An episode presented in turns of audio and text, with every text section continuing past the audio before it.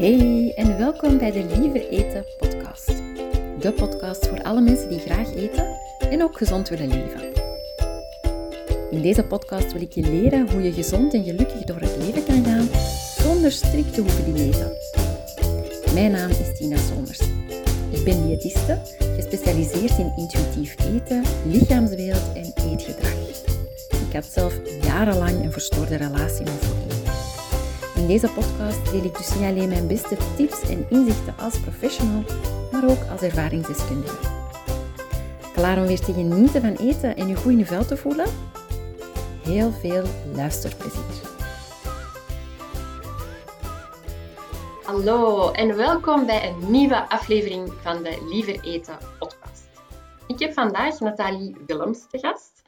Nathalie is founder van The Lighthouse, een holistisch platform voor persoonlijke en bewustzijnsontwikkeling. Welkom, Nathalie. Hallo, dankjewel. Dank je, Tina. Nathalie, jij bent transformationeel trainer, jij bent coach en jij bent ook auteur van een boek. Wat moet ik mij daarbij voorstellen? Wat doe jij zo dagdagelijks? Um, mijn grote missie, ik zal het meteen in die zin oppakken. Mijn grote missie is om uh, bewust, meer bewustwording in de wereld te brengen. Dat wil mhm. zeggen uh, om mensen een beetje wakker te schudden en terug het kritische denken een beetje aan te wakkeren, waardoor dat zij bewuster in het leven gaan staan, bewustere keuzes gaan maken. En dat doe ik dan door onder andere trainingen, groepstrainingen te organiseren, maar ook door één op één coaching. Uh, en mijn boek dat ik dan vorig jaar heb uitgebracht, gaat daar ook over. Het zijn allemaal stukjes tekst uh, die mensen doen denken, doen voelen, uh, terug bewuster naar zichzelf en naar hun leven laten kijken. Mm Ja, jij bent ook op mijn pad gekomen, Nathalie, in mijn eigen zoektocht naar bewuste leven. Zo heb ik uh, de eerste training die ik ooit heb gevolgd, uh, is Bewust Leven 1. Uh, voor mij was dat echt een eye-opener en dat heeft mij heel veel gebracht ook in mijn eigen, ja, in het hele van mijn eigen relatie met mijn lichaam en met voeding. -hmm. vandaar dat ik het ook zo interessant vond om u eens uit te nodigen, om daar ook wat meer over te vertellen.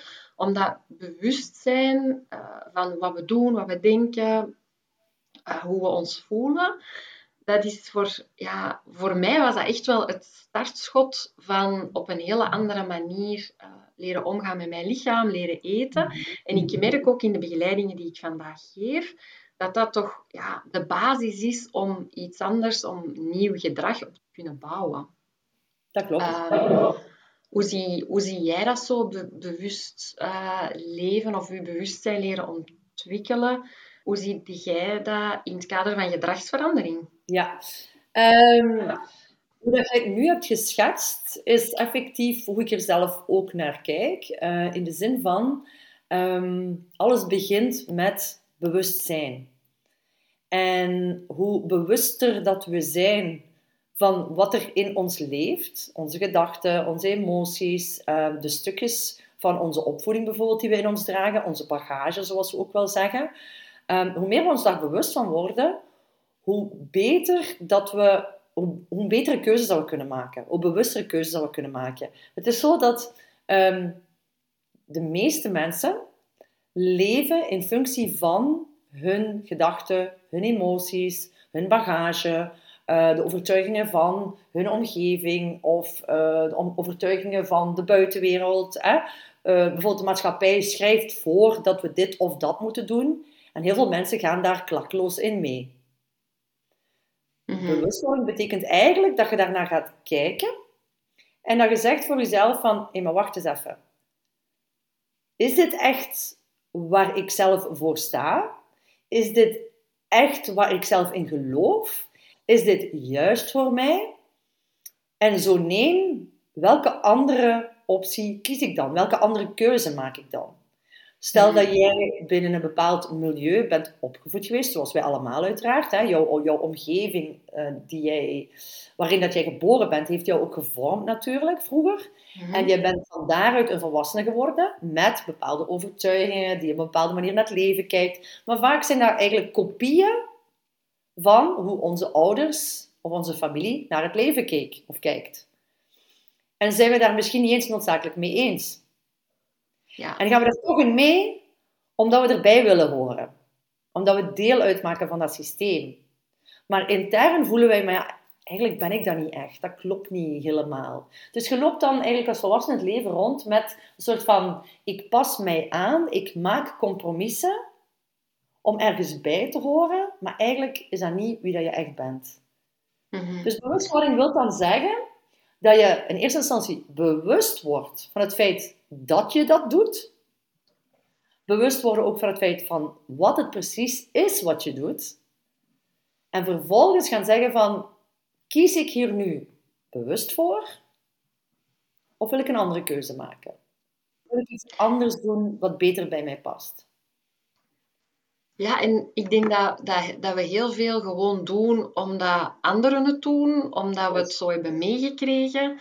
Uh, en ja, ik, ik, ervaar dat zelf ook uh, nog, nog altijd, dat, ja, dat, heel moe- dat het niet gemakkelijk is om echt terug te gaan naar wat, wat wil ik nu? Waar heb ik nood aan? Juist, er zijn, er zijn een aantal factoren in die, waarin wij eigenlijk bijna als het ware tegen onze eigen conditionering moeten ingaan. En dat wil zeggen, kijk, een van de drie basisinstincten van een mens, van elke mens, is erbij horen.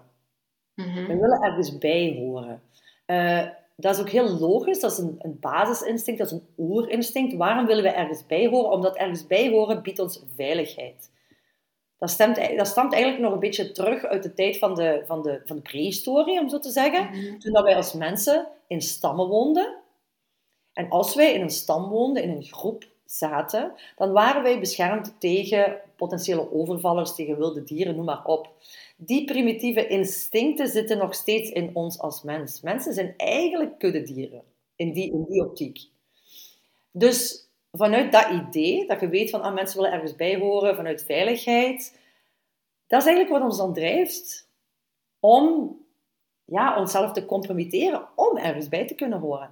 Daarom vinden mensen het ook zo moeilijk om bijvoorbeeld, ik zeg maar iets, ik heb onlangs een klant gehad die zei, goh, ik kijk zo op tegen kerstmis, ik heb daar geen zin in, want mijn familie is zo anders en dan moet ik me daar aanpassen en ik wil liefst van al van weglopen. En ik zeg dan, ja, waarom zeg je dat niet gewoon? Waarom zeg je dat niet gewoon? Dat dat moeilijk is voor u? Ja, ik weet niet of dat die daar ruimte voor hebben, zei hij. Ik zeg, ja, maar ja, als je dat niet probeert, dan weet je dat ook niet. Mhm.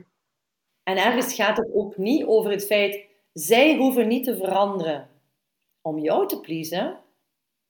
Maar je hebt natuurlijk wel het recht om gewoon te zeggen, ik vind dit moeilijk. Of je hebt het recht om te zeggen van, kijk, we accorderen niet, dus ik, ik zeg maar iets, ik, ik ga een half uurtje in plaats van dat ik daar een hele namiddag ga zitten.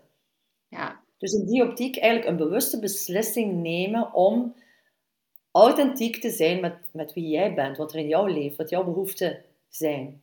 Mhm. Ja, dat authentieke, dat vind ik wel iets ehm, ja, heel boeiend, omdat eh, ik zie dat ook bij heel veel van mijn cliënten, dat, dat ja, heel veel van mijn cliënten zijn people pleasers. Ik denk dat ik dat zelf ook nog altijd wel ben, eh, dat ik daar al wel in gegroeid ben. Maar wat is het gevaar daarvan als je ja, keer op keer dingen doet om erbij te horen, om te pleasen? Dat je jezelf verliest. Dat is het Mhm. eerste gevaar, dat je jezelf verliest. En het tweede is dat je totaal geen ehm, connectie meer hebt, verbinding meer hebt met je eigen behoeften en noden. Ja. En dan raken we uitgeput. Want ik vraag mij bijvoorbeeld af, de meeste van jouw klanten, zijn dat vrouwen, mannen? Eh, de meeste zijn eh, vrouwen. Ja, ik zie ook mannen, maar de meeste zijn vrouwen. Ah, Wel, de, de vrouwen hebben het, door, het daar doorgaans nog moeilijker mee. Om echt grenzen te stellen. Om echt te zeggen van, kijk, hier stopt mijn geven aan anderen. Mhm. Ehm, ja, dat is een ding waar ik, waar ik zelf professioneel ook heel erg op aan het werken ben. Ehm, we gaan daar zelfs een, een workshop rond doen, rond polariteit, in, in maart.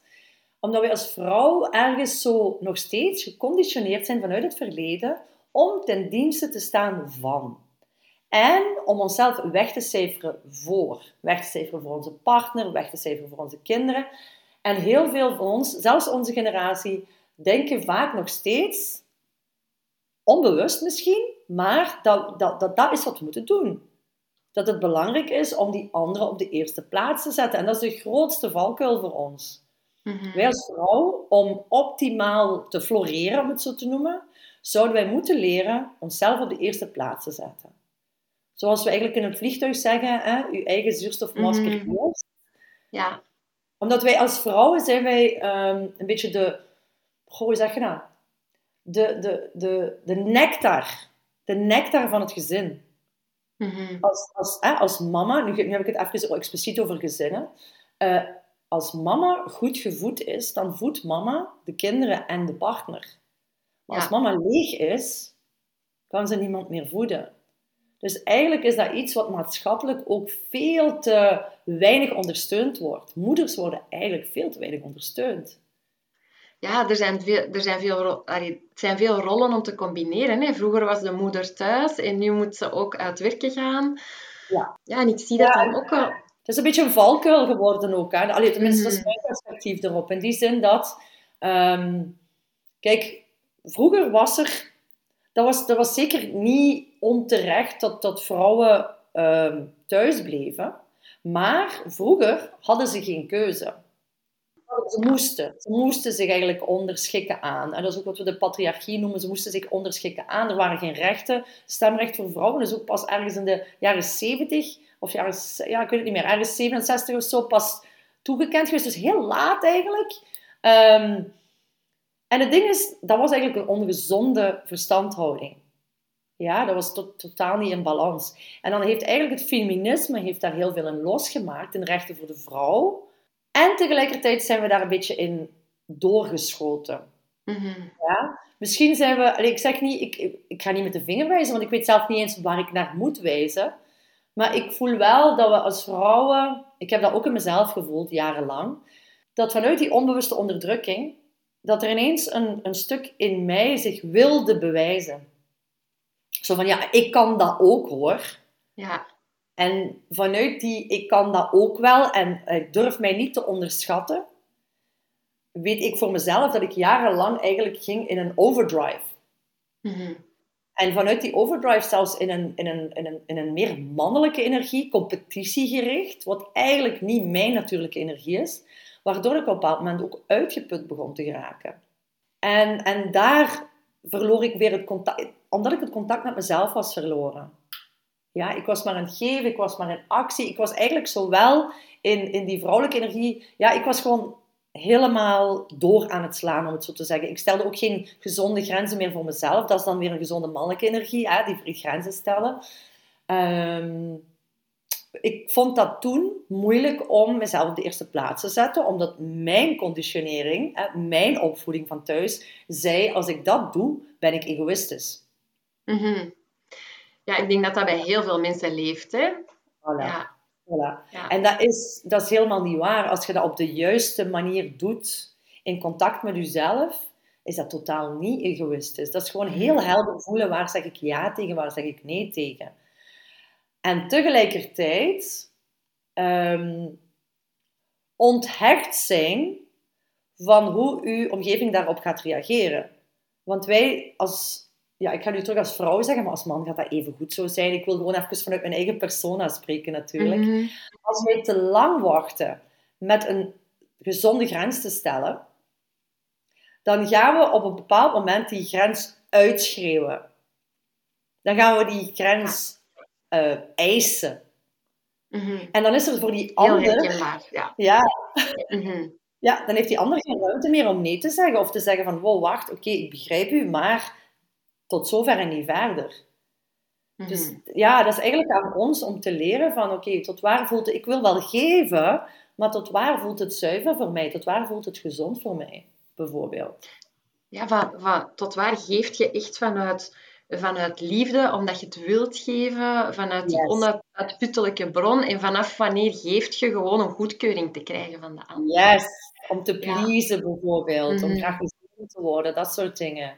Ja, die lijn is zo... Die kan zo dun zijn. Dat kan soms zijn zo'n beetje zoals een, eh een koorddanser in het, in het circus. Hè? Je loopt daar met je, met je stokje te, te wiebelen zo. Mhm. Ja, En ehm, ja, dat is heel zuiver gaan voelen voor jezelf van, oké, waar zet ik mijn vlaggetjes? Ja. oké. Ja, om even terug te gaan naar hè, de, de mensen die ik vooral zie ehm, en eh, coach. ja, daar merk ik dat, dat mensen het heel moeilijk vinden om, om grenzen te stellen. Want dit wordt verwacht en ik moet dit doen. Um, Heb je daar zo ergens een tip hoe dat je daaraan kunt beginnen? Het stellen van die grenzen, zodat je ook wel tijd hebt om te gaan voelen, wat heb ik nu nodig? Maar dat vind ik, ik vind het eigenlijk al... Jij gaf eigenlijk al één oplossing aan in je eigen vraag. Um, Tijd maken om te gaan voelen, zeggen. Ja. Dat is al een eerste. Dat is al een eerste. Dus in eerste instantie zou ik zeggen, voor zo'n mensen, uh, eigenlijk voor iedereen hoor, Tina, um, mm -hmm. om, om, om terug op regelmatige basis, en dat wil zeggen liefst meerdere keren per dag, um, uw energie terug te trekken in uzelf, uw aandacht terug te trekken in uzelf. Dat wil gewoon zeggen, je pakt even een momentje, al is het twee minuten, dat je gewoon even rust pakt, je sluit je af, je ademt, je doet een paar diepe ademhalingen, en je bedenkt gewoon van, waar ben ik? Gewoon de vraag, waar ben ik?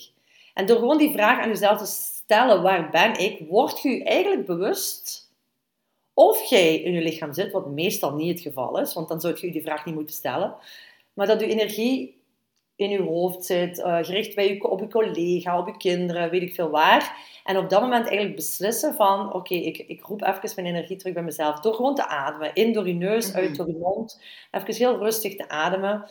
Um, zet zeker beide voeten goed plat op de grond. is een beetje aarde ook. Ja, maak mhm. goed contact met de grond. En tracht eigenlijk met je ademhaling door heel je lichaam te gaan. Probeer dat zo, de snotstel, dat klinkt misschien een beetje spiriwiri, maar dat is kwestie van dat te proberen. Om hem echt in te beelden van ik adem in. En ik laat mijn adem echt gewoon helemaal door mijn lichaam gaan, door mijn buik bewegen, tot helemaal door mijn benen, door mijn voeten. En je ademt terug uit. Tot het helemaal leeg is en dan terug in. Dat is zeker al eentje. Um, vervolgens, wat ik zelf ook met mijn klanten doe, is... Um, en soms kun je dat gewoon echt ook... Hoe zeg je dat? Visueel even doen. Is om nee op je eh, handpalm te schrijven. Mm En ja op de rug. Ja? En eigenlijk gedurende de dag, in elke situatie die je tegenkomt, dat als barometer te houden. Elke keer dat je nee zegt tegen iets of iemand, dat ook gewoon, je kunt dat zelfs echt visueel voor je houden, of kun je daar gewoon naar kijken. Elke nee die je tegen een ander of iets of iemand geeft, is een ja tegen jezelf. Ja, heel mooie oefening. Ja, want anders wordt het te negatief. Weet je, dan hebben ze ja, maar ik zit nee, ik vind dat zo moeilijk. Heel veel mm. mensen vinden dat heel moeilijk om nee te zeggen. Maar dat maakt het lichter, omdat het gaat over je kiest voor jezelf, je kiest voor je eigen gemoedsrust. Dus om die nee te oefenen, dat is een hele, hele mooie en versterkende oefening. Mm -hmm. Klinkt dat dan onmiddellijk aan, ik werk vaak met het vullen van je batterij. Waar, waar laat je van op? Waar, uh, wat, wat, wat, maakt je batterij leeg? Ja. Uh, je knikt al, waarschijnlijk is dat iets dat, dat bij je ook terugkomt uh, in, in coaching. Uh, maar daar leren mensen wel echt van, ja, als mijn batterij leeg is, dan kan ik ook geen ja meer zeggen tegen de ander. En dan kan ik ook niet meer geven. Nee, klopt. Er is, dus, nog een, ja. ja. er is nog een belangrijk stukje waar ik nu ook aan denk. En dat heeft gewoon um, te maken het gaat weer over bewustwording, om mhm. ons iets bewuster te worden van hoe ons zenuwstelsel werkt. Um, wat wij, de meeste van ons niet beseffen, is dat wij als mensen, ik zal nu even vooral spreken voor de, de, bevolking in België, want overal is het anders natuurlijk, naar gelang de context waarin dat je leeft. Mm over het algemeen zijn wij overprikkeld, allemaal. Bijna allemaal, ik zal het zo zeggen. Bijna allemaal zijn we overprikkeld omwille van het feit dat de tijd vandaag, het digitale tijdperk, het gaat zo snel. En er komt heel veel tegelijk op ons af. En je zei het daarnet ook al, er zijn zoveel rollen, je moet zoveel vervullen, er wordt zoveel van je gevraagd. Je hebt dan nog eens de media, ja, sociale media, maar ook gewoon media in het algemeen, reclame, noem maar op, verwachtingen, behoeften, alleen noem maar op. Dus eigenlijk zijn wij toekoer overprikkeld. Mhm. Om daarin um, op daarop bewustwording te gaan creëren en uzelf te gaan oefenen, te gaan trainen, om dagelijks die rust heel specifiek te gaan opzoeken. Het, het tot rust laten komen van uw zenuwstelsel. Wij denken ten onrechte dat dat is doordat wij bijvoorbeeld dan s'avonds thuiskomen en in de zetel gaan zitten met een glas wijn. Ik, ik, zie, en ik hoor heel veel van mijn vrienden dat ook doen. En die hebben het ja, maar ja, dan kom ik tot rust. Dat is niet waar. Dat is een illusie. Mhm. Want zolang als jij eigenlijk, als jij op dat moment gaat achterover zitten en gaat Netflixen, ik noem maar iets. Wat er eigenlijk gebeurt, is dat er nog altijd prikkels op je af zijn aan het komen. Ja? Ja. Dus je, hebt nog altijd je, je sympathicus, dat is dat deel van je autonome zenuwstelsel dat actief is wanneer dat je in fight-flight zit. Dus dat is eigenlijk het actieve deel. Mhm. Dus je gaat dat nog altijd stimuleren. Ehm, als we dan naar alcohol of dergelijke grijpen, ook al is het maar één glas of een half glas wijn, dan maken we ons afhankelijk van externe factoren, plus het feit dat alcohol dan ook nog eens niet zo goed is voor, om een goede nachtrust te hebben. Dus dat ook. Maar de kunst is om echt te gaan grijpen naar middelen, bijvoorbeeld, ik zeg maar iets, meditatie of uh, wandelen in de natuur, die ons zenuwstelsel effectief tot rust brengen, die eigenlijk onze parasympathicus activeren. Ja, dat is het deelte dat eigenlijk ons lichaam tot rust brengt en tot herstel brengt. Ja. En als we dat al meer zouden doen, zouden wij ook veel meer in contact blijven staan met onszelf van binnen. Ja, en we zijn ons daar niet van bewust, omdat we eigenlijk ook niet weten hoe dat ons zenuwstelsel werkt. Juist. Uh, dus eigenlijk zeg jij, Nathalie, dat, eigenlijk, dat het belangrijk is dat we ons daar bewust van worden, dat op het moment dat we thuiskomen en we zijn misschien moe van een dag te werken, dat we denken dat we gaan uh, rust nemen door te Netflixen, maar eigenlijk krijgen we nog steeds prikkels te verwerken en is het niet echt tot je lichaam komen. Juist. Is het niet echt in je lichaam zakken, uh, ontspannen. Juist. Ja, ik denk dat dat ook geen zwart-wit verhaal is. Hè? Nee, nee. Maar wat wel correct is, is dat de meeste van ons, of toch veel mensen, dat merk ik ook uh, de, de cirkels rondom mij en bij mijn klanten, dat veel mensen gewoon het contact met hun lichaam zijn kwijtgeraakt. Wat ik ook zie, is dat dat soms ook heel eng is om daar terug naartoe te gaan, omwille van, ja, uh, mensen komen thuis, gaan, gaan naar tv kijken, staan niet stil bij uh, alles wat er in hun leeft, omdat dat ook gewoon heel eng is.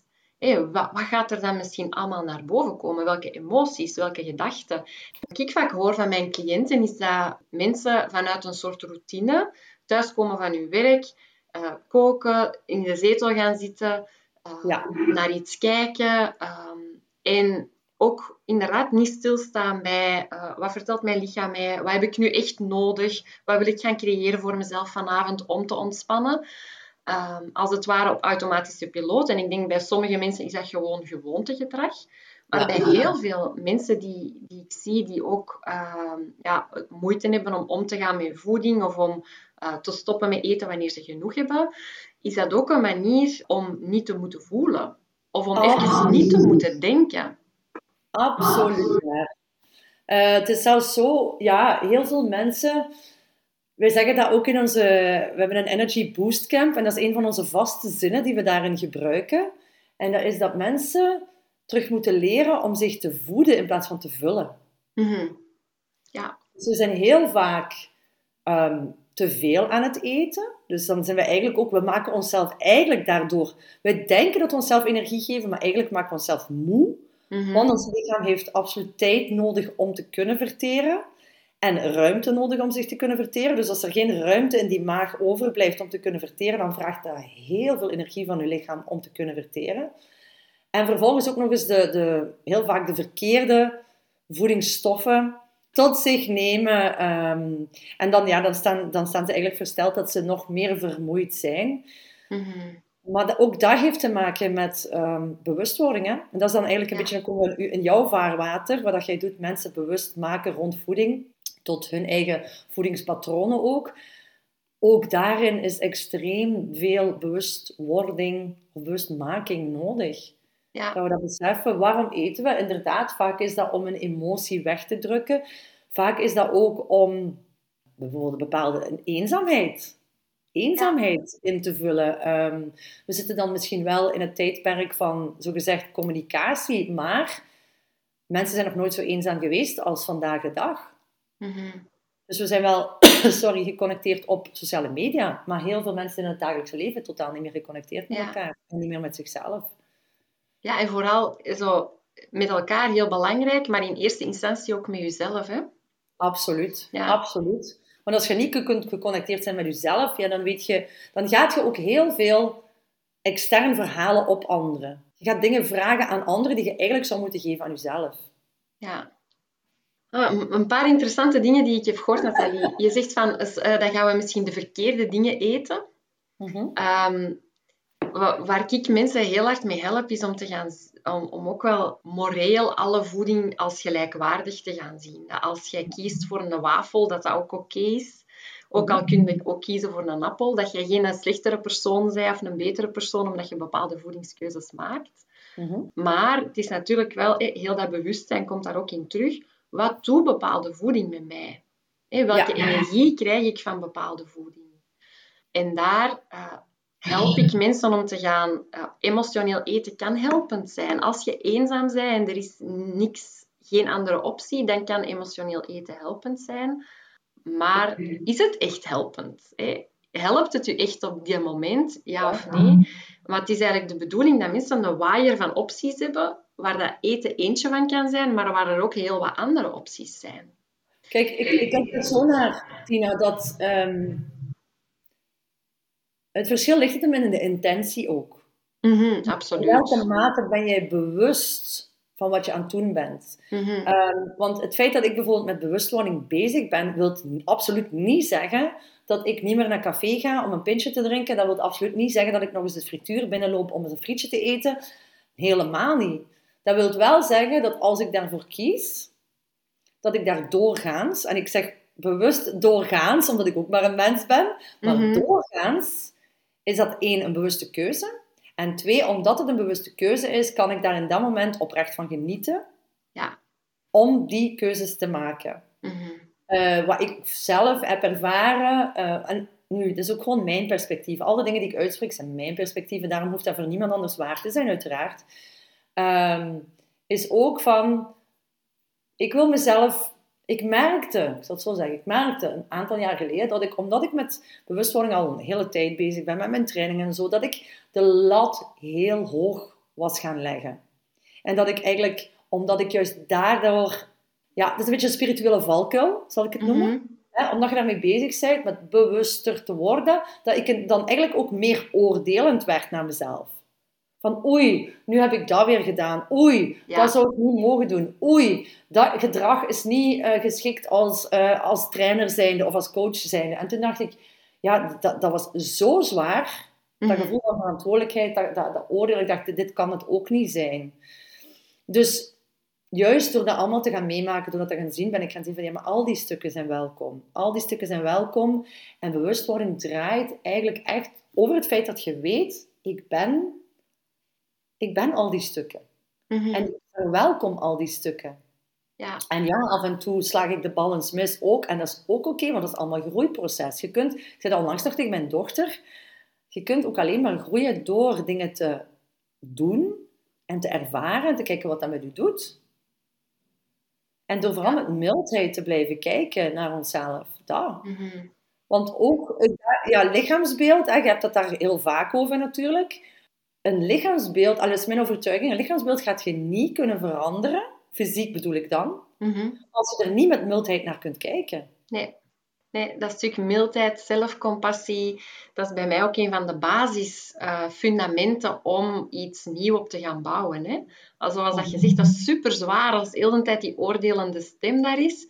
Ja. En ik, ik, hoor dat, ik hoor dat van mijn cliënten, ik heb dat zelf ook ervaren, als je zo begint met je bewuster te zijn van wat je denkt, wat je voelt, wat je doet, dat is wel veel in je hoofd. Hè? Maar- En als er dan nog eens een stemmetje bij komt, dat zegt dan, maar je hebt het weer niet goed gedaan, je hebt het weer niet goed gedaan. Dat het interessanter is om vanuit nieuwsgierigheid te kijken, ah oké, ik heb dat zo gedaan, dat heeft dat met mij gedaan. Juist. Wat kan ik daaruit leren, wat kan ik meepakken? Je bent ook maar een mens, hè? Voilà, en wat wil ik daarmee inderdaad? En ik vind het mooi dat je zegt, je bent ook maar een mens. Omdat, dat is, de, dat is eigenlijk de ultieme realiteit. Alleen voor iedereen die nu naar uw podcast luistert en heel erg bezig is misschien met bewustwording, persoonlijke ontwikkeling, dat is een enorme valkuil dat we daar iets te ver in gaan doorschieten in dat ik moet hier, eh, ik zeg maar iets, verlicht zijn. Ik moet daar Mhm. boven staan. uh, by all means go ahead. Maar als je daarin constant de zweep over jezelf legt, dat is niet waar persoonlijke ontwikkeling voor bedoeld is. Dus gelijk jij zegt, persoonlijke ontwikkeling is er echt om met nieuwsgierigheid te kijken naar, ah, wat doe ik hier? En met mhm. nieuwsgierigheid naar anderen te kijken, in plaats van met oordeel. Te gewoon kijken, ah, die doet dat anders. Ah, oké, hmm, daar ben ik het misschien niet mee eens, maar goed, het is een andere manier, of die heeft andere behoeften. Ja. En oké, ik geef dat eerlijk toe, in theorie klinkt dat ook nog wel een stuk makkelijker dan dat in praktijk ja. is. Dat is mm voor mij even goed elke dag een, eh, een uitnodiging. Dus, uh, ja, want we hebben ook gewoon die kritische stem in ons, hè?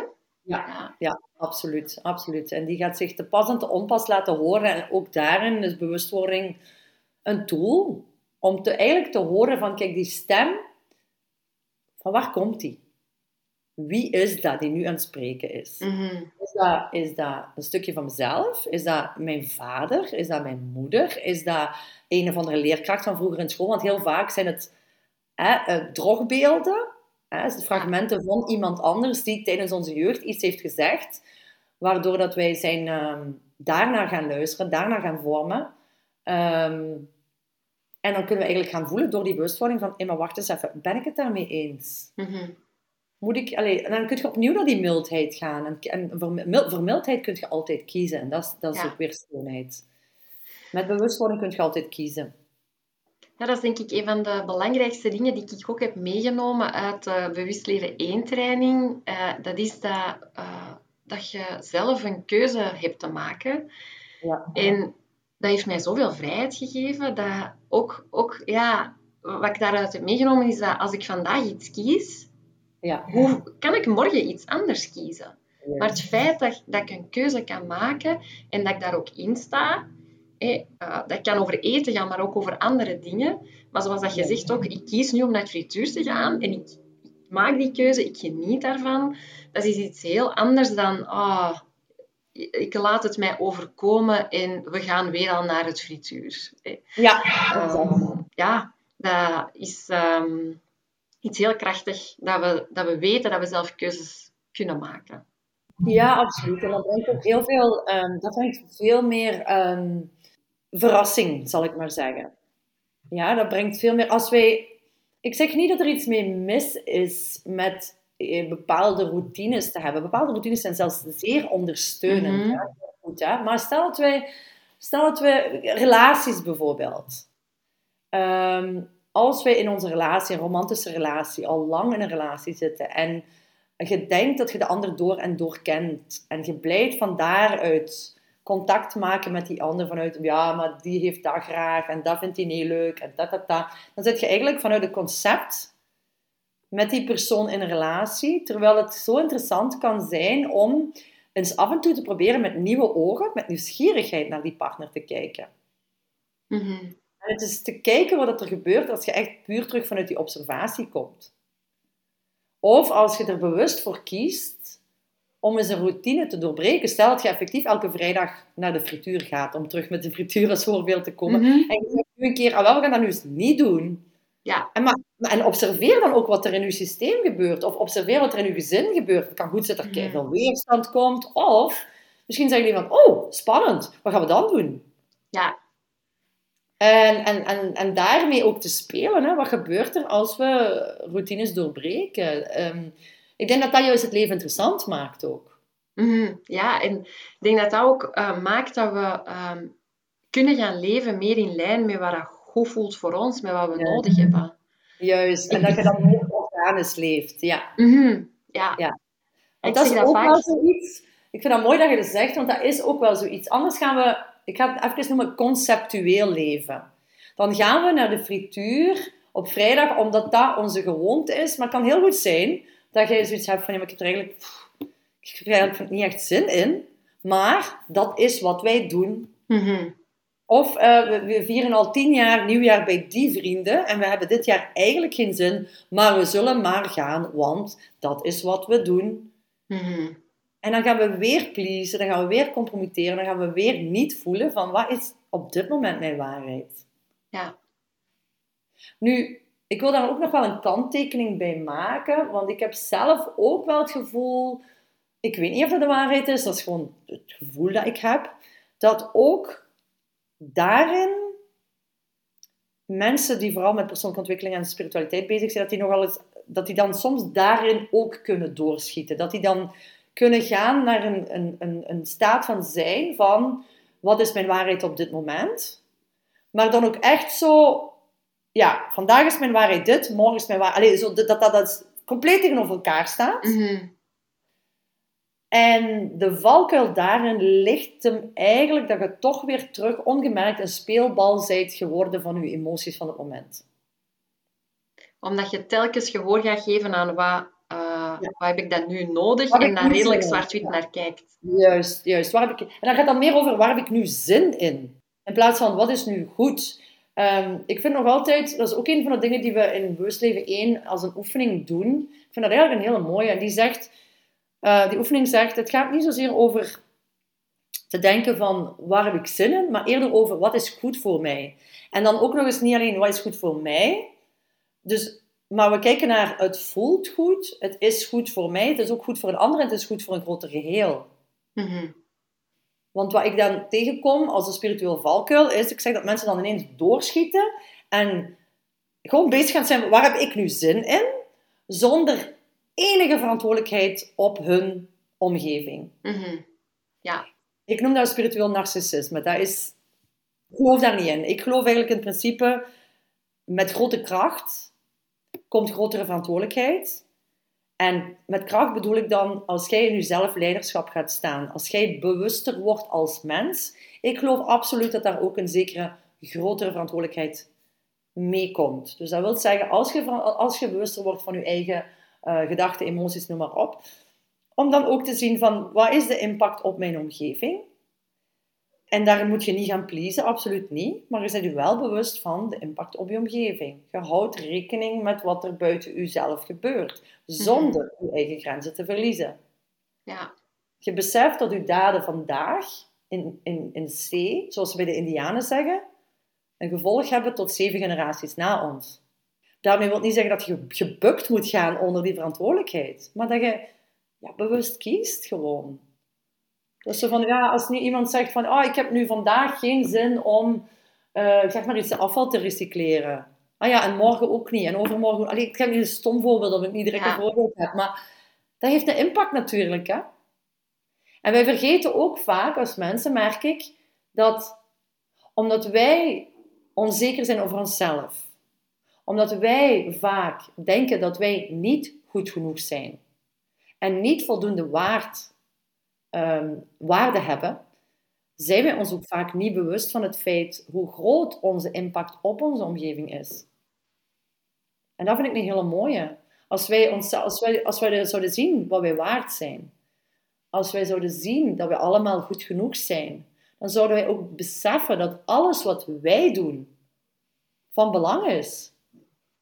Ja. En ja, dat dat is iets wat ik zo een interessante piste vind. Ik zie dat soms ook gewoon in, de streek waarin ik woon, als ik dan, als ik dan mensen, ik zeg maar iets, vuil, vuilnis op de grond zie gooien. Ik heb dan onmiddellijk die reflectie in mezelf, dat ik dan denk van, goh, zouden die mensen beseffen dat hun acties belangrijk zijn? Zouden die mensen beseffen dat wie zij zijn belangrijk is voor de wereld? Mhm. Want als je dat zou beseffen, zou je dat dan nog doen? Zou je dan nog, zou je dan nog vuilnis op de grond gooien? Ja, dat gaat denk ik enerzijds over wat jij zegt, hè, eh, u, eh, weten wat je waard. Ja. En anderzijds ook wel leven naar je waarden, hè, naar wat jij zelf belangrijk vindt. Ja, wa- wat ik ook wel zelf al ervaren heb en ook zie in de praktijk, is dat als je zelf gaat voelen van wat je waard bent, of zelf ook meer hè, op een bewuste manier eh, keuzes maakt, niet alleen vanuit wat is mijn behoefte, maar ook wat wil ik uitdragen naar mijn omgeving, dat alles ook gewoon gemakkelijker gaat. Absoluut. Eh, en dat is heel eh, bevrijdend, want ja, er komt meer tijd, er komt meer ruimte, er komt meer flow. In plaats van te denken, ik moet dit, dit, dit en dit nog doen. Juist. Eh, hoe kunnen we daar vorm aan geven, zodat ik wel mijn verantwoordelijkheid, verantwoordelijkheden neem, maar ook dat mijn eigen batterij niet leegloopt. Juist. Ja. En dat is altijd weer die balansoefening. Hè? Ik denk dat balans ook echt wel het woord wordt voor dit jaar. Uh, ik heb het op meerdere terreinen ook al horen vallen, het woord. Uh, allee, balans en samen zijn de woorden die ik telkens hoor terugkomen. Nu, samen vind ik dan ook weer mooi in de context van balans. Ja. Dus ja, ik denk dat dat voor ons allemaal een, een mooie uitnodiging is om, om balans te gaan opzoeken. En tegelijkertijd, wanneer vinden wij balans? Als wij in onbalans zijn geweest. Mhm. Als wij ons vlakje hebben... Ik, ik zou altijd... Alleen dat doe ik, ik doe dat bij mezelf. En ik nodig ook heel graag mijn, mijn klanten daarbij uit van... Ga eens experimenteren. Ga eens spelen. Weet je, kinderen doen dat. Hè? Kinderen leren door te spelen. Wij zijn dat een beetje verloren als volwassenen. Maar ga een keer, ga een keer naar die extreme polariteit. Durf daar eens te gaan, maar bewust. Durf eens een dag of een week alleen maar te geven, bijvoorbeeld. Alleen maar aan anderen te geven. Maar echt bewust daarvan blijven. Wat doet dat met u? En, en, en kijken van, oef, geeft dat mij nu nog energie? Of ben ik nu aan het leeglopen? Zodat. Mhm. Of je zegt, ik ga nu eens een week overal nee tegen zeggen. of ja, allee, dat, je, dat je gaat je vlag zetten. Dat je gaat voelen, wat doet dat met mij als ik bewust daarmee aan de slag ga. In plaats van, ik laat mij leiden door mijn leven, ik laat mij leiden door anderen, door de omstandigheden, door mijn werkgever of van mijn vrienden of mijn partner. Maar echt zelf terug gaan spelen. Wat gebeurt er in mij? Hoe ga je ermee om, Nathalie, als mensen zeggen van... Ja, ik wil het wel, maar ik heb het zo druk. Ik heb geen tijd om daarmee te gaan spelen. dan zeg ik, wat is uw belangrijkste prioriteit op dit moment? Ja. Ik, heb, ik ben daar zelf, merk ik, um, wat is het woord? Het woord is niet harder, maar ehm, meer afgebakend in geworden in dat soort dingen. Ik heb dan zoiets van, kijk, als mensen bij mij komen, ik wil wel maar, dat is voor mij al zo, ja, maar in welke mate wilt je dit echt dan? Hmm. Ja, en dan kunnen we gaan kijken naar welke stukjes in hun hoofd, hè, in hun denken, zijn nog degene die aan het beperken zijn. Waar zijn ze nog in beperkende gedachten? Maar mensen vinden het heel fijn om in uh, uh, slachtofferschap te mhm. blijven zitten. Hè. Ja. Ze beseffen dat gewoon zelf niet. En slachtofferschap is een heel makkelijke staat van zijn, omdat je eigenlijk... Je hoeft daar geen enkele verantwoordelijkheid te nemen. Je legt het volledig bij de ander. het slachtofferschap... Ja. ja, tuurlijk. Dat is waar heel veel mensen in zitten. Ik heb dat ook uh, gedaan. En dat, dan dan kun je je verstoppen achter excuses. Dan kun je je verstoppen en kunnen te zeggen van ja, maar ik heb een moeilijke jeugd gehad. Of um, ja, mijn situatie is zo of zo en weet ik veel wat. En dat wil daarom niet zeggen dat dat niet waar is. Hè? Dat kan allemaal heel correct zijn. Maar zolang als je dat blijft gebruiken als excuus om niet aan bepaalde dingen te moeten werken of niet te hoeven te kijken, zit je nog altijd, ja, je zit jezelf aan tegenhouden. Je zit je eigen groei in de weg en je zit in mhm. slachtofferschap. Dus om daar door te breken, om op eender welke manier jezelf te veranderen. Is het in je fysieke beeld? Is het in hoe je emotioneel, met, hoe je emotioneel zit ingesteld? Is het in heel pragmatisch in je leven, een andere job of een relatie of dit of dat? Dan gaat je effectief terug in je zelfleiderschap moeten gaan staan. Want in slachtofferschap blijf je afhankelijk van externe omstandigheden. En alleen in zelfleiderschap kun je zeggen van ik handel ongeacht of onafhankelijk van mijn omstandigheden. En, en daar, zit, daar zit de magie eigenlijk, daar zit de groei, daar zit het potentieel. Ja, ja op vlak van eten is dat soms um, ja, wel merk ik dat, dat dat voor heel veel mensen moeilijk is die voltijds werken, die dan ook een gezin uh, hebben te runnen, om dan elke dag uh, vers te koken, dat dat soms wel heel moeilijk is. Juist, dat klopt. En ook daarin, en ook daarin Tina, um, is het opnieuw de vraag, wat heeft prioriteit, zonder iets fout te mhm. maken. Hè? Zonder iets fout te maken. Het kan heel goed zijn dat zij zeggen, ja, maar sorry, iets anders heeft prioriteit. En dan is dat prima. Maar als jij zegt, of als een van je klanten zegt, kijk, voeding is voor mij prioriteit, wat is dan jouw excuus om het geen prioriteit te maken? Dan zijn er manieren om te zeggen, weet je wat, op zondag bijvoorbeeld, op zondagnamiddag, dan, uh, ik weet niet meer, dan pak ik bijvoorbeeld, ik zeg, ik pak een grote bakplaat, Ik gooi dat vol met verse groenten. Ik doe daar wat kruiden op, doe daar wat olie op. En hop, ik rooster dat in de oven. En ik heb al bij wijze van spreken twee porties groenten klaar. Je kunt met verschillende platen werken voor later in de week. Of je kunt zeggen, ik uh, ga uh, van die verspakketten halen. Een stomer bijvoorbeeld. Een stoommachine. Die kun je met, met drie bakjes onder elkaar. Eigenlijk is dat niet veel werk, ja. hè? Dus eigenlijk gaat het, eh, wat jij nu zegt, Nathalie, dat komt helemaal overeen met hoe dat ik het aan, aan, mijn cliënten aanbreng. Dat is, ja, wat is voor u in deze fase van uw leven belangrijk? Waar wil je aandacht aan geven? En is het nu belangrijker om te floreren in je job en ga je vaker eens kant en klaar halen? Um, helemaal oké. Okay. Uh, of is het net nu belangrijk om eens tijd en ruimte te maken om op zoek te gaan naar die snellere kooktechnieken, om op dat vlak eens wat uit te proberen. Uh, je kunt ook niet op alle domeinen in je leven ineens gaan uh, veranderen. Nee, dat dus daar is ook weer die mildheid belangrijk. Hè? Absoluut. En opnieuw, ik zeg het prioriteit of... Um, weet je, maak er iets leuks van met het mhm. gezin. Hè? Op een bepaald, tot, tot, tot, een bepaalde leeftijd vinden kinderen dat heel leuk om te helpen. Ja. Dus je kunt daar ook zeggen van, kijk, uh, nu zondagnamiddag gaan we samen, we gaan gezonde snacks maken. Of we gaan uh, zo die dingetjes doen. Uh, ook daarin, ik snap dat, hè. Ik, ik heb daar geen oordeel over. Um, maar ja, dat is keuzes. Hè. Bijvoorbeeld, als ik kijk naar de boterhamdoos van mijn dochter.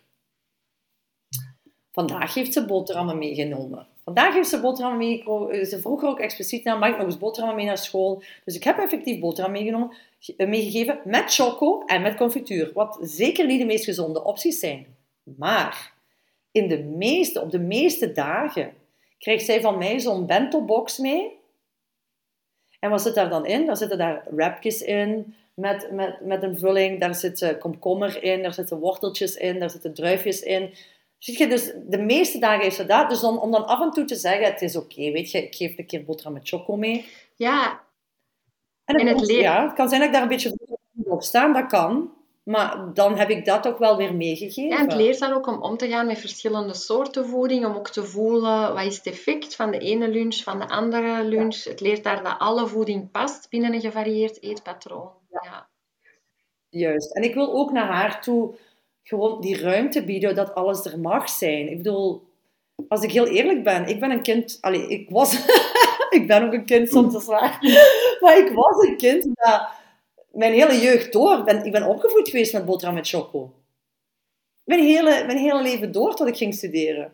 Dus al bij al is het hier ook nog goed gekomen. Maar ik wil maar zeggen het, het is fijn dat ik nu het, het, hele, het hele spectrum kan mhm. aanbieden aan haar. En ja, dat wij effectief, dat zij dan zegt van, oh, ik wil een keer, ik wil een, keer een Bikkie Burger eten. Ja, oké, weet je, ik bedoel, by all means, go ahead. Ik bedoel, ik heb daar ook niks op tegen om een keer een Bikkie Burger of een frietje te eten. Maar wij gaan ook regelmatig, allee, meestal eigenlijk zijn wij gewoon, bijvoorbeeld, ik zeg iets, een curry aan het eten met rijst of zo.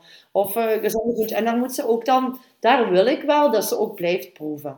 Want het is niet zo'n grote groenteeter, dus dat blijft ook een uitdaging in ons gezin. Om te zeggen, ja, kijk schat, ehm, maar ik ben daar dan ook redelijk flexibel in. Dus niet dat ze dan per se moet, ik zeg maar iets, uh, ze moet niet per se warme groenten eten. Nee, dat werkt toch niet, hè, als we dat gaan verplichten. Die eet bijvoorbeeld graag rauwe ajuin en, en komkommer of, of rauwe wortel. Dus dat kan heel goed zijn dat ik dan, ik zeg iets, iets maak en dan ligt daar gewoon komkommer of rauwe wortel bij. Maar dat is de beste manier. Hè. We gaan kijken naar uh, kinderen leren wennen aan verschillende soorten uh, groenten bijvoorbeeld. Om altijd iets aan te bieden waarvan je weet, dat kennen ze, dat lusten ze. En daarnaast ook iets nieuws. Dat er ruimte is om te proeven, om te proberen, zonder dat we het gaan pushen. Ja. Juist. Dat werkt toch niet, hè, dat pushen. Want dan krijg je een afkeer mhm. van eten. Of hetzelfde met uh, het bord leeg eten. Ik ben daar geen fan van. Ik ben zelf wel zo opgevoed geweest en ik vond dat mhm. verschrikkelijk. Uh, maar ik kan wel bijvoorbeeld tegen haar zeggen van, kijk Vee, um, nog zoveel happen, toch nog wel. Als ik weet dat ze echt iets aan het laten liggen is, omdat ze het eigenlijk gewoon niet zo heel lekker vindt, dan ga ik toch nog zeggen van, kijk, kijk schat, toch nog een paar. Ik had over laatst zo'n hele groentetrei gemaakt in de, in de oven en er zat dan waar zat daarin? Zoete aardappel, courgette, uh, spruitjes en nog iets. Uh, rode paprika. En dan, ja, die spruiten, nou, moet dat ook? Dan had ik toch wel zoiets van, ja, Uh, eet er drie. Ja, maar ik heb er al drie gegeten. Ja, nog drie dan. En dan is het oké. En dan heeft ze dan wel zoiets van, ja, dat is oké dan. Weet je, ik, ik overstretch die ook niet, maar ik heb wel zoiets van, schatje, ik vind het wel belangrijk dat je van alles een beetje leert eten, uh, dat je smaken leert mhm. kennen en blijft ontwikkelen. En een veelheid aan, aan, aan voedingsbestanddelen, om het zo te zeggen. Die krijgt zeker ook nog altijd een portie suiker binnen. Dus, We hebben ook van alles nodig. Allee, we denken vaak, suiker is 100% slecht, maar onze hersenen werken op glucose. We hebben suiker nodig. Ja. Uh, dus het is geen zwart-wit verhaal. Nee. Ja. Nou, en dat is, dat is ook de grote boodschap dat ik met deze podcast wil geven. Dat, ja, dat als we zwart-wit gaan kijken naar voeding, zoals dat bij veel dingen is, dan komen we altijd in de Dat is juist. Ik denk gewoon vooral, ja, zoals je daar straks al zei, Tina, om te blijven voelen. Om te blijven voelen wie dat wij zijn, wat we nodig mhm. hebben. En ik geloof ook heel sterk in dat stukje bewustwording. Ja. Want soms denken wij, dit is wie we zijn, of dit, dit is hoe het is. En enkel en alleen door bewustwording, door te groeien, door de dingen te leren, kunnen we eigenlijk die oogkleppen breder zetten. Kunnen we een breder perspectief krijgen en eens zeggen, oh, wacht eens even, dit ben ik ook. Of mhm. dit is eigenlijk heel goed voor mij, maar besefte ik voorheen nog niet. Of dit is heel slecht voor mij, maar besefte ik voorheen nog niet. En daarin is, heeft bewustwording een cruciale rol. En ik denk dat dat ook is wat dat, waarom dat jij doet wat dat jij doet. Dat die bewustwording eigenlijk mensen doet, ja, opnieuw bewust worden van je lichaam, maar ook weer opnieuw betere keuzes maken van daaruit. Ja, en dat is ook iets dat ik zeker nog wil meegeven aan de luisteraars. Dat is dat Ehm, het kan zijn dat, dat, hoe dat jij nu eet en leeft, dat dat helemaal oké is. Hè? Ja. Dat je je niet bewuster moet worden. Maar de mensen die dat tot bij mij komen en waarschijnlijk ook tot bij u komen, die voelen dat er ergens iets wringt. Ja. Ehm, en wanneer je voelt dat je toch dat er ergens in je ja, iets niet in balans is, of telkens een prop in je keel hebt, of dat je, dat je schouders maar blijven vastzitten, als, als je ergens signalen um, merkt van ja, er is hier ergens iets niet juist, dan is het heel interessant om te gaan kijken, ja, wat kan ik observeren? Juist. Uh, en om dat bewustzijn te gaan trainen. Maar ik zeg ook soms tegen mensen die op een intakegesprek komen van oké, we kunnen samen aan de slag gaan, maar als jij geen tijd kunt maken, wilt maken, als dit nu geen prioriteit is, is het ook helemaal oké om het even te laten voor wat het is. Ja. En er op een later moment, als er meer ruimte is in je leven, op terug te komen. Klopt. Want het, er is geen snelle fix als het gaat over gezonder leren leven, gezonder leren eten. Dat vraagt aandacht. Juist. En je moet inderdaad, dat vraagt aandacht, dat vraagt ook gewoon, ik ga dat even embodiment noemen. Dat wil gewoon mhm. zeggen dat je het ook effectief aanpakt. Dat je niet bij wijze van spreken bij u op consultatie komt en zegt, ja, ja, je hebt gelijk Tina, ja, ja, ik, ik zie dat. En vervolgens naar huis gaat en er niks mee doet. Mhm. Dus dat, dat effectief integreren, dat gaan voelen, dat gaan ervaren, dat is eigenlijk het belangrijkste stuk. Want we kunnen heel veel gezondheidsboeken lezen en zo, en heel veel hier kennis hebben, maar uiteindelijk eigenlijk niet echt consequent iets mee doen. En ook het woord consequent is belangrijk, want dan zit je, als je consequent is, mm -hmm. van herhaling, dan gaat je pas langblijvende of, of duurzame effecten creëren. Eigenlijk zou dat mhm. bewustwording en, en ja, bewustwording tout court, zou, daar zou iedereen bij gebaat zijn om daar gewoon mee aan de slag te gaan. En eender op welk domein is dat, is dat van, oh, ik ben bezig met mijn fysieke gezondheid, of spieren, of, of, of um, elasticiteit. Ik bedoel, mijn ding nu bijvoorbeeld op dit moment, ik ben, ik ben vorige maand 45 geworden, mijn focus ligt nu even op toniciteit, flexibiliteit en, en, en het dynamische van mijn lichaam. Ja, dus dat ik terug echt... Ik, ik, ik begin zo... Op dit moment ben ik vrij veel bezig met zo... Uh, mijn gewrichten bijvoorbeeld. Mijn gewrichten... Mm -hmm. merk, ik merk meer en meer de impact van lang te zitten. Uh, en dat ik dan... Dat, ik, ik doe dan s'morgens een ochtendroutine met oefeningen. En ik heb mm -hmm. niks van oefeningen van de kinesist, van de osteopaat. Weet je wel, zo dat ding zelf samengesteld. Om mij optimaal te ondersteunen. Ja, en als je daar een routine van maakt, omdat je iets belangrijk vindt, dan is het ook makkelijker om dat vol te houden. Ook met die mildheid, dat als het eens een dag niet lukt door omstandigheden, dat je jezelf ook niet helemaal naar beneden haalt, dat het ook geen zwart-wit verhaal is. Hè? Helemaal waar. De dag nadien, of dezelfde dag nog, kun je het nog terug vastpakken. Ja, dat is helemaal juist. Dat is helemaal juist. Ja, mooi. Oké. Ehm, Nathalie, we hebben het over heel veel dingen gehad. Ik denk dat het allerbelangrijkste in dat uh, kader van bewustzijn is dat we tijd maken hè, om in ons lichaam te zakken, om, hè, zoals dat jij het voorbeeld geeft, die ademhaling, dat gebruik ik ook heel vaak, maar deze ga ik zeker meenemen. Dat voelen, die adem tot in je tenen laten gaan, door heel je lichaam laten gaan. Um, ja, heel mooie oefening dat je bij wijze van spreken aan het rood licht al eens kunt doen als je aan het wachten bent in je auto.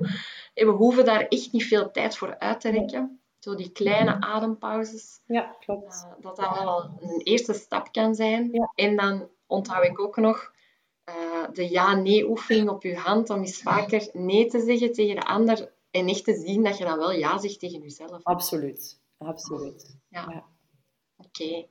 Uh, Nathalie, voordat we afsluiten, misschien nog fijn. Ik heb bij, bij via jullie de Bewust Leven 1 training gevolgd. Ik ben daar echt fan van. Ik vind eigenlijk dat elke mens dat zou moeten volgen. Um, ik heb bij jou ook de Queen's Retreat gevolgd. waar kunnen mensen informatie vinden over de trainingen? Ja. Die dat, Op de website, sowieso. Dus de website, het bedrijf, of mijn bedrijf heet The Lighthouse. Dus de website is www.de, in het Engels, T-H-E, koppelteken, mm -hmm. lighthouse.be. Um, en we hebben in februari een Bewust Leven 1 training die er aankomt. Van 15 tot 18 februari. Dus daar zijn zeker nog plekjes vrij, moesten mensen interesse hebben. Uh, ja, dat is dus de training die jij hebt gevolgd. Ja. Die voor mij tien jaar geleden ook uh, een heel groot verschil heeft gemaakt in mijn leven. Die eigenlijk gewoon de, de tools in handen geeft om bewuster in het leven te staan. Dat is vier dagen uh, transformationeel werken met een groep mensen. Um, ja, dat is eigenlijk een reis, hè? dat heb jij ook gevoeld. Hè? Dat is een reis met mm -hmm. waarin er ook vriendschappen voor het leven worden gesloten. Um, en ik heb daar, ja, ik doe dat al tien jaar en ik heb daar eigenlijk al de mooiste resultaten uit tevoorschijn zien komen. Mm -hmm. Mensen die veel duidelijker in het leven staan, met meer zelfliefde, meer zelfvertrouwen, meer zelfexpressie. Um, dus ja, ik blijf daar nog steeds grote fan mm -hmm. van, absoluut. Ja, ja ik ook. Allee, in mijn reis naar intuïtief eten, ik was daar al een paar jaar mee bezig, met echt te, te leren terug te eten vanuit ja, mijn noden, ja. fysiek, maar ook mentaal. En ik dacht echt van, ja, ik ben er echt al bijna. En door die training heb ik toch, ja, ben ik weer een aantal lagen dieper kunnen gaan. En ja, zo is dat ook, hè. Uh, wanneer we het hebben over ons eetgedrag, dat gaat laag per laag uh, omdat we ook heel veel meekrijgen van thuis, omdat er heel veel oordelen zijn vanuit die dieetcultuur. Dus het, ik kan het zeker aanraden als ook ondersteunende uh, tool om uh, ja, uw eetgedrag in handen ja. te pakken. Er is er overigens, ik wil het misschien nog even toevoegen, um, in de Energy Boost Camp die we doen, dus wij organiseren ook vanuit Lighthouse Energy Boost Camp samen met Saartje van den Driessen, kijken wij ook een heel klein stukje naar voeding, maar meer als een van de verschillende pijlers waarin dat je eigenlijk werkt op je energiemanagement. Want dat weet jij zelf ook natuurlijk. Hè? Voedings, bepaalde voedingsstoffen geven ons energie en andere nemen eigenlijk energie weg. En in die specifieke boostcamp, dat zijn weekends, daarin is dan voeding een pijler, maar ook ademhaling, het fysieke gestel, dus beweging, uh, rust ook. En die zijn dan eigenlijk allemaal binnen het kader van uw energieniveau. Want dat is ook wel iets, moet ik eerlijk bekennen, waar ik heel veel mensen mee zie worstelen vandaag de dag. Dat is ook weer met die, met die vele prikkels natuurlijk, waar wij constant aan blootgesteld zijn. Hè. Dat is ook okay. zeker een ondersteuner. Super interessant. Ja. Super interessante trainingen. Uh, Oké, okay, goed. Ik ga de link delen in de show notes. Moesten de mensen nog vragen hebben, kunnen ze waarschijnlijk via de website ook al uw contactgegevens vinden. Absoluut. Ja. Oké, okay, super. Heel hard bedankt uh, Nathalie om hier uh, tijd te maken voor deze aflevering. Om jouw kennis te delen. Heel en wij uh, blijven nog wel in touch. Hè. Heel graag gedaan. Dankjewel Tina.